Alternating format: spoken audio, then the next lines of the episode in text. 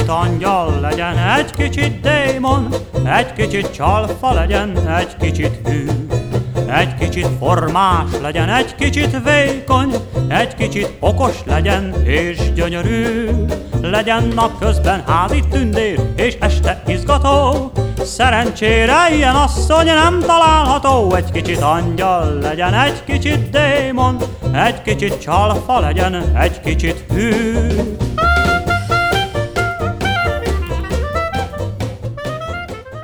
Följegyzések Töbözsöki Alfred, Párizs 1920. augusztus 15-én.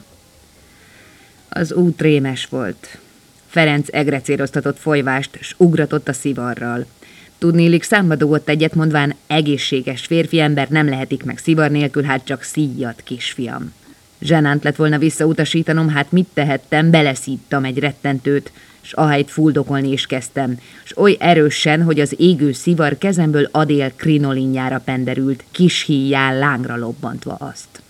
Jött Joli fát pofával, kevéssé sietve, mintha nem is asszonya élete forogna rettentő veszélyben.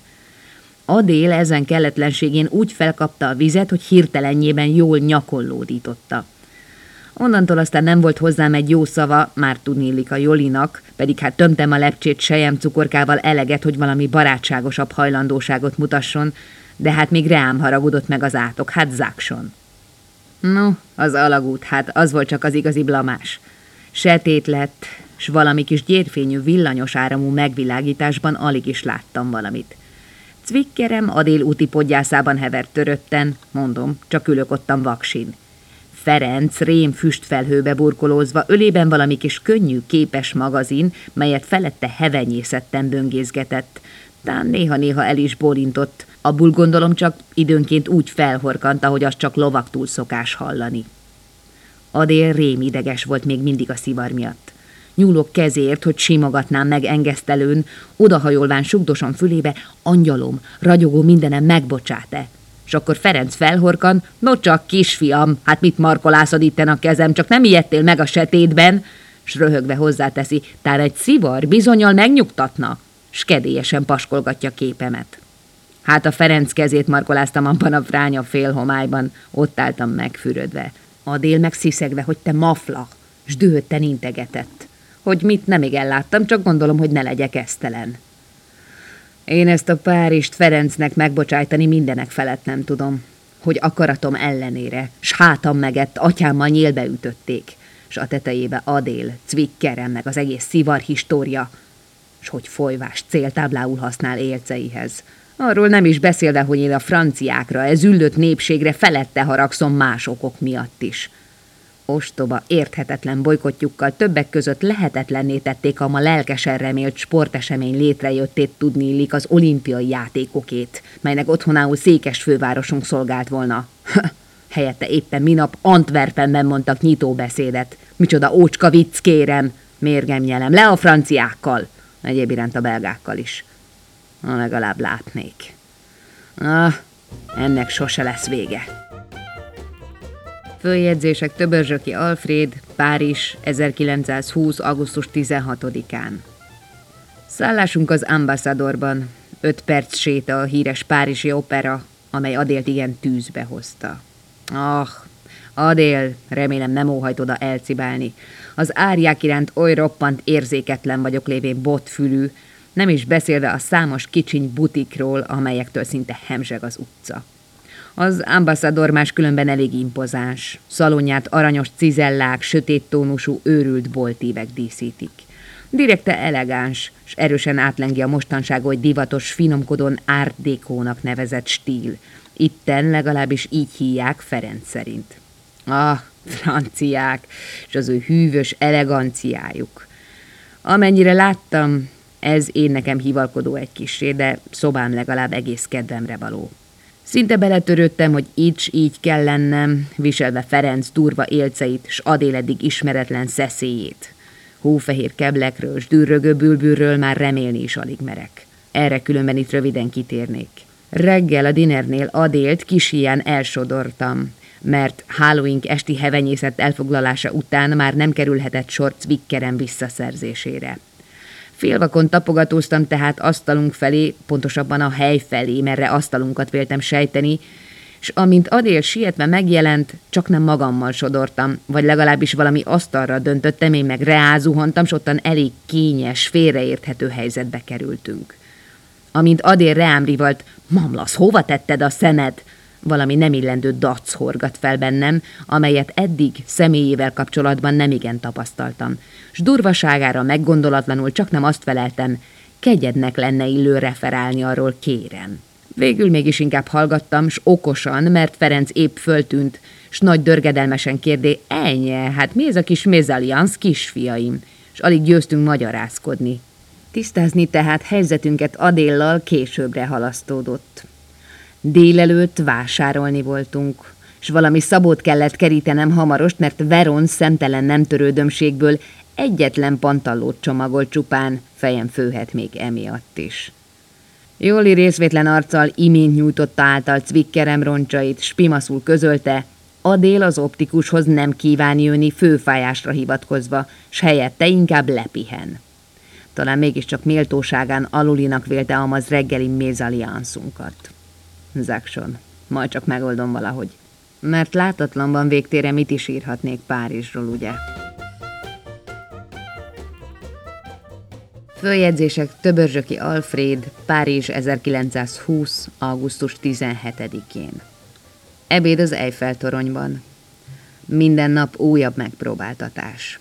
A tornyot még látni is szédület. Mondják, nagy hírig volt az építkezés körül, különben heves ellenállásba ütközött egy némely művészkörökben. Amint azonban beszélik, Eiffel szemtelenül úgy replikázott, nem bízunk a nagy emberekben. S mit sem törődve a gáncsoskodókkal belevágott a torony építésébe, és kérem, e nagy ember 26 hónap alatt megszelítítette töménytelen vasat. Az alkatrészeket egyéb iránt a Le Valois Perré üzemben állították elő, és az építkezésen már csak az elemek összeszerelése folyt. Máskülönben valami ultragyors, hidraulikus fölvonó szállított minket a risztoránthoz, amely a rémületes monstrum első étázsán, mint azt a franciák mondják, találtatik. A fölvonóban kis híján kifutott orcámból a vér, egyre csak özöllöttek a belsejébe, préselődtek szorosan egymáshoz az emberek, mintha Párizs e kívül nem is létezne. Az úri közönség mind csak a pompás kilátást óhajtotta csodálni, és mindenik egyszerre. No hát rémes volt. Ferenc szokásos gunyoros modorában, s az elengedhetetlen szivarfüst, melybe burkolózik folyvást, öblösen böffent oda most is, látván iszonyomat a rettentő mélység miatt. Na hát, kisfiam, lád, itten vagyunk talpig nehéz vasban, s hozzája csúf bronhitiszes köhögés. No hát, én Ferencet igen jól el tudom képzelni a Notre Dame cikornyás tornyai közt kvazimódó gyanánt, kopasz feje fölött világít a teleholt sárga pofája, amint a füstöt eregetve akár a sátán elmélyülten sepregeti kravátliáról a lehullott szivarhamut. Este valami művészekkel találkozunk, állítólag zsurnaliszták is lesznek ottan. Csak nem elfelejtettem megemlíteni, Zwickerem megjavítva. Már szinte sajnálom is, nem lesz mire hivatkoznom kimenteni magam. Följegyzések Töbözsöki Alfred, Párizs 1920. augusztus 21-én. Tegnap műzé dorszébéli vizitünk végeztével valami kis kávéházban nemes Lampért Jóskával futottunk össze. Igen megörült Ferencnek, s Adélnak nem különben, úgyhogy szíves invitálására a lakására is fölugrottunk. Roppant ragaszkodott, hogy Ferenc vetne egy pillantást legújabban befejezett képére, és komolyan protezsálta Ferencnek, hogy a Bécsi Akadémiáról lemondván inkább nagybányára küldjön művészeti tanulmányaim véget. Mindeközben nem mulasztott el hevesen udvarolgatni Adélnak, melyet én rettentő mód nehezményeztem. Ferenc ellenben úgy tűnik, tudomás sem vett csak nem nyílt, gátlástalan flörtjükről. Színházról, művészetről, művészekről fecsegtek fesztelenül, s valamely művészvilágbéli plegykákról is szót ejtettek. Jó magam rém ideges lettem, látván Adél fölszabadult kacagását Jóska léha élcein. Adél igazán úgy viselkedett, mint valami könnyűvérű nőcske. Sürgetni kezdtem hát távozásunkat, hivatkozván valamely cukorbaj miatti kis rosszul létemre.